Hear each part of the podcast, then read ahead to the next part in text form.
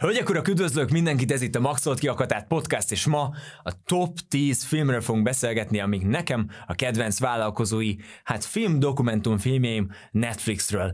Azt gondolom, hogy olyan filmeket hoztam ebben a mai 10 pontos listában, amelyek nekem személyesen nagyon sokat adtak, és tudom azt, hogy amikor elmondtam ezeket a filmeket, az ajánlásokat az ügyfelémnek, akkor ők is azt jelezték vissza, hogy basszus, ez a film elképesztően jó volt. Úgyhogy fogalmazzunk így, egy olyan listával érkeztem ma, ami már letesztelt. Oké, okay? nem csak azt mondom, hogy nekem tetszettek ezek a dolgok. Vágjunk is bele. Netflixen, hogy tartalmasan töltsd az idődet otthon, és esetleg tényleg némi fejlődés legyen ebben a történetben, hogy mindig igazából még mindig be vagyunk szorulva az otthonunkba.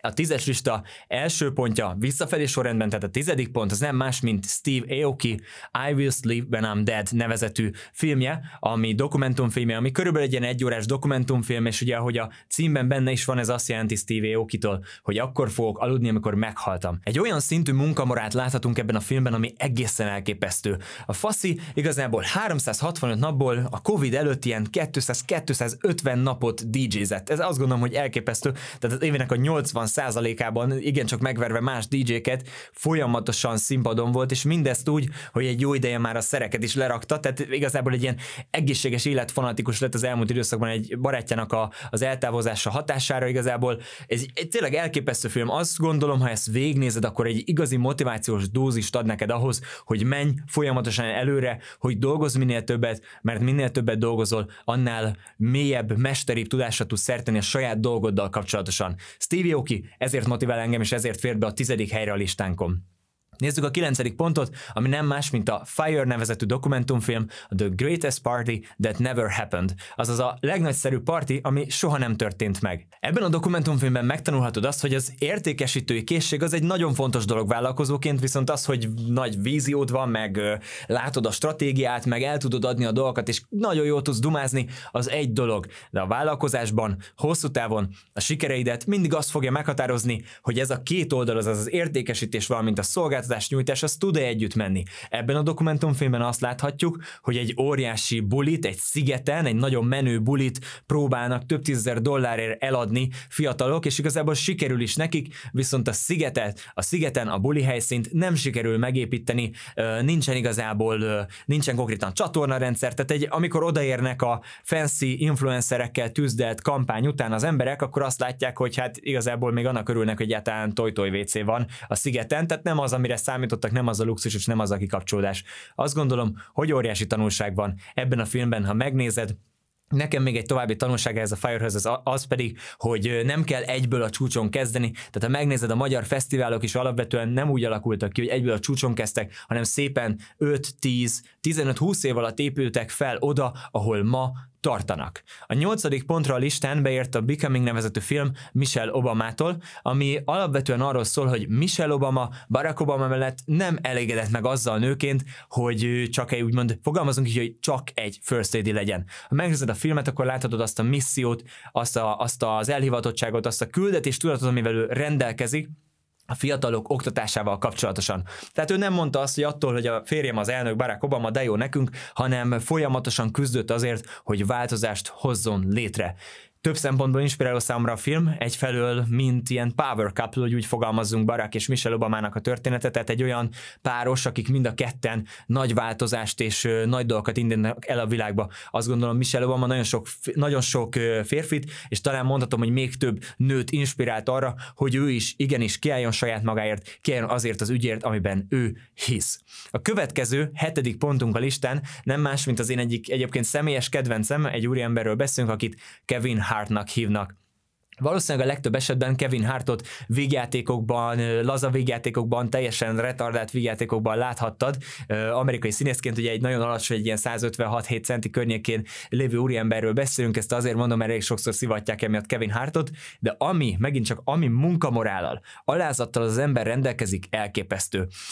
A Don't Fuck This Up, ez a neve a dokumentumfilm, hát kvázi sorozatnak, amit láthatunk őtőle, és igazából egy ilyen 10-15 évet ölel fel tulajdonképpen Kevin Hartnak az életéből, onnan, hogy stand az első filmétől odáig, hogy a világ egyik legjobban fizetett stand és a világ egyik legjobban fizetett színésze lett. Azt gondolom, hogy ez tényleg elismerésre méltó. Mondok csak egy példát, ami számomra az egyik leginspiráló dolga ővele kapcsolatosan. Láthatjuk a stand Netflixen, amelyekben ugye most azt látjuk, hogy például Londonban, a, egy arénában telt ház, több tízezer ember ott van a stand az embernek, és egy olyan show igazából az, az egész műsor, mint hogyha egy rap koncert vagy egy rock koncert lenne, tehát elképesztő show.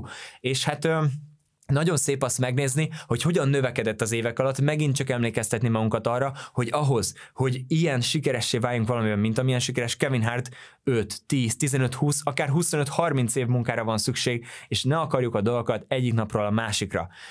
A kedvenc történetem őtőle az nem más, mint hogy elmondja a dokumentumfilmben, hogy amikor felkészül egy ilyen arénás stand az elején megjelenik Amerikában ilyen teljesen váratlanul pici kis stand-up klubokban, úgyhogy most már egy nagyon nagy sztárról beszélünk, hogy mindenki felismer Amerikában.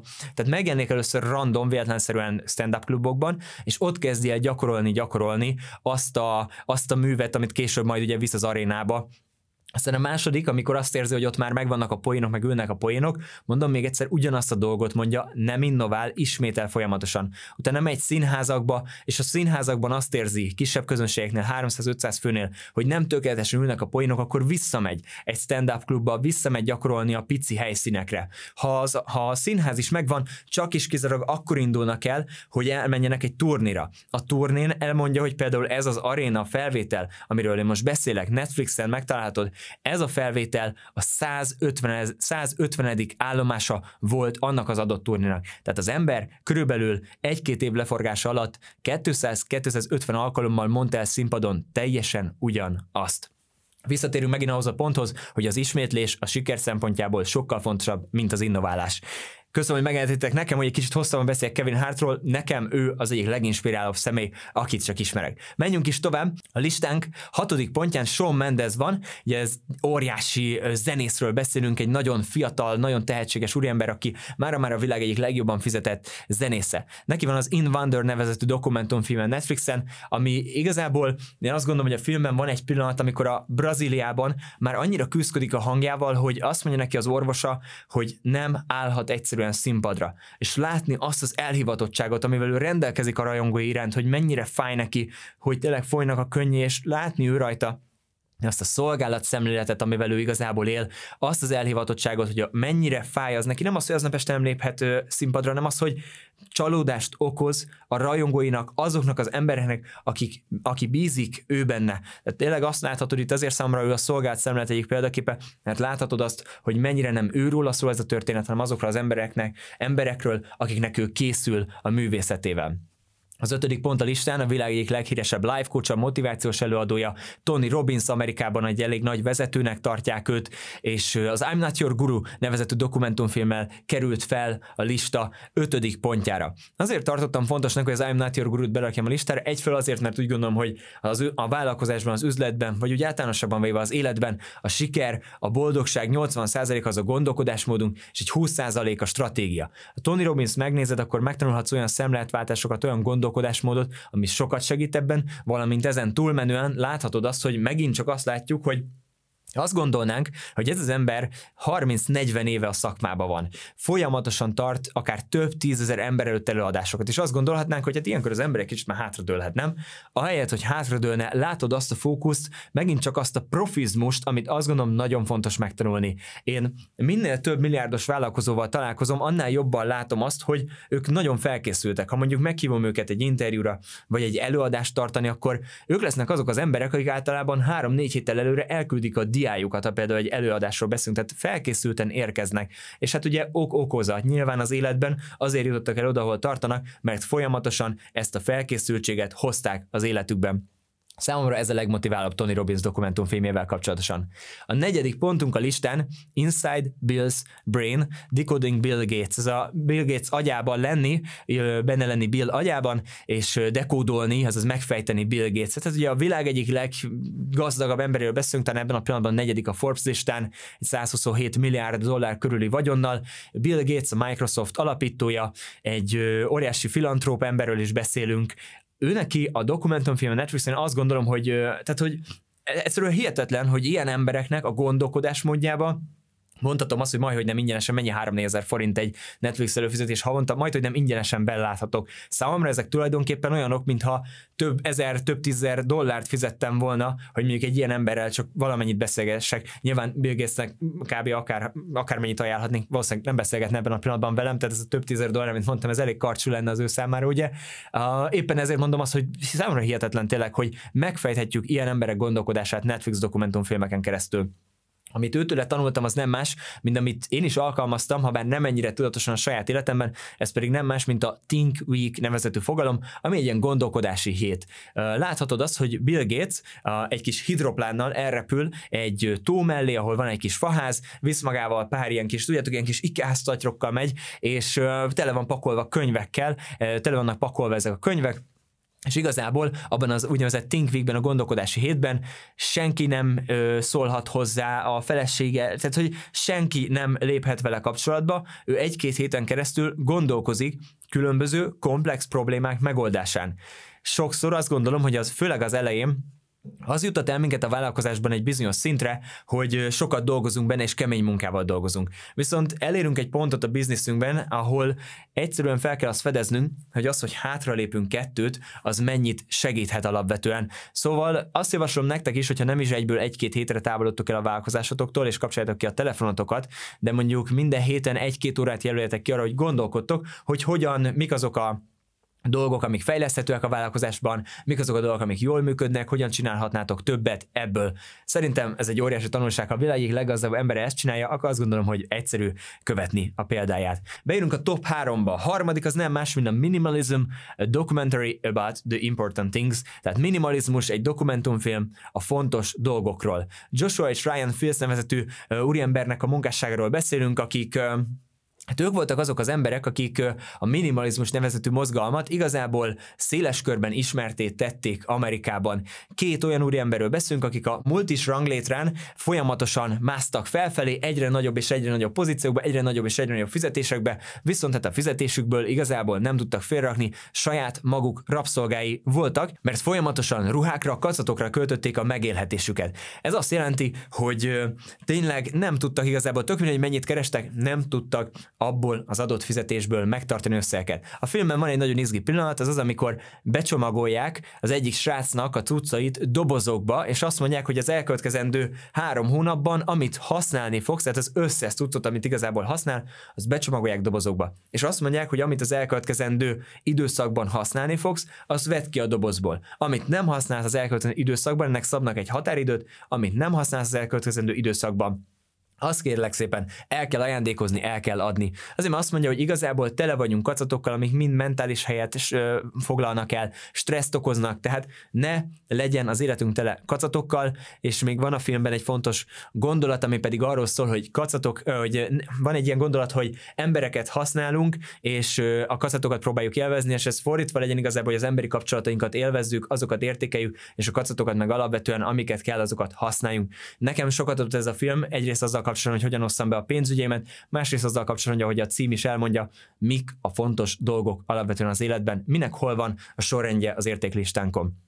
A második pont, a runner-up, az a The Last Dance nevezetű dokumentumfilm, és valószínűleg eléggé fájna Michael Jordannek, hogy a második helyre ért, még lehet, hogy éppen leszarná Michael Jordan, hogy mit gondol, hogy második helyre ért, de hát ő nem szeretett veszíteni. Úgyhogy erről szól igazából ez a dokumentumfilm, hogy folyamatosan egy olyan bajnok mentalitást láthatunk Michael Jordan-től a The Last Dance nevezetű dokumentumfilmbe, ami egészen elképesztő. Tényleg látszik az a fókuszáltság, hogy ő neki aztán semmi más nem számít, csak és kizárólag a győzelem. Betegen, depressziósan, minden állapotban ott van a pályán, és semmi más nem számít neki, csak és kizárólag az, hogy eljusson a céljához. Ha ez azt jelenti, hogy másokon át kell gázolnia, akkor megteszi. Nem mondom azt, hogy teljes mértékben követendő példa az, amit ő csinál, de arról a mentalitásról, amivel rendelkezik, hogy ne picsogjunk, hanem csináljuk meg a dolgunkat, abból azt gondolom mind sokat tanulhatunk. A listánk utolsó pontja, tehát az első helyezett, a bajnokunk pedig nem más, mint a The Playbook nevezetű dokumentumfilm A Coaches Rules for Life. Hát ez egy elképesztő dokumentumfilm sorozat, amiben igazából ilyen 30-40 perces adásokban a világ legjobb edzőivel láthatunk interjúkat, betekinthetünk az ő gondolkodásmódjukba, láthatjuk őket munka közben, meghallgathatjuk a történeteiket, tehát tényleg egy olyan dologról beszélünk, hogy hihetetlen. Olyan, például mondjuk Serena Williamsnek az edzője számra, ez a, az egyik leginspirálóbb, amikor Serena Williams edzőjét látjuk, egy francia úriembert, és ő, hát fogalmazunk így, hogy átveri Serena Williamset az egyik az egyik tornán, mert észrevették azt, hogy Serena elkezdett félni attól, hogy felmenjen a háló mögé, és onnan, onnan adogasson vissza. És oda ment hozzá, és azt mondta meccs közben, hogy figyelj, megnéztem a statisztikákat, és ilyen 70-80 százalékban pontot, pontot szerzel, amikor bemész a, a, a háló mögé onnantól fogva, és itt látszik igazából a, a, akár a placebo hatás, akár a mentális felkészültségnek az ereje, vagy egyszerűen csak, hogy hiszek abban, hogy mit tudok létrehozni, hogy onnantól fogva addig nem volt jó, nyilvánvalóan nem volt jó a háló mögötti játékban Serena, és ahogy az edző ezt mondta neki, onnantól fogva valóban hozta ezt a 70-80 százalékot, mert annyira meglepő volt neki, hogy ilyen jól szerepel a háló mögül. A mentális felkészültség, ahogy már korábban is mondtam, azt gondolom, hogy a vállalkozásunk sikerében olyan 70-80 százalékért felel, és a maradék 20-30% az csupán a stratégia. Úgyhogy jó szívvel ajánlom nektek, hogy a világ legjobb edzőinek gondolkodásmódjából hazavigyetek magatokkal olyan dolgokat, amit ti is be tudtok építeni. Ez lett volna a tízes listánk Netflixen, jelezzetek majd vissza kommentben, hogy hogyan tetszettek, valamint ha úgy érzitek, hogy van olyan film, amivel kiegészítenétek ezt a listát, akkor köszönöm, hogyha azt megosztjátok kommentben, és lehet, hogy tudtok bedobni nekem is, vagy a többieknek is egy olyan filmet, ami mondjuk nekem se jutott eszembe, vagy amit mi még nem láttunk, Köszönöm, hogyha ezeket megosztjátok, sokat segítettek ezzel. Valamint azzal is sokat segítettek nekünk, ha jelzitek azt, hogy itt vagytok, ha nyomtok egy lájkot, ha feliratkoztok a csatornára, abból folyamatosan látjuk azt, hogy nap mint nap van értelme annak, hogy a Maxot Kiakatát podcastban hozzuk nektek a tartalmakat, amelyekkel igyekszünk a lehető legjobban azokat a témákat megjeleníteni, amik titeket érdekelnek. Úgyhogy nyomjatok egy feliratkozást, ha még nem tettétek meg, és haladjunk együtt előre. Köszönöm szépen, hogy ma itt voltál. A következő Maxot Kiakatát podcast hétfőn érkezik.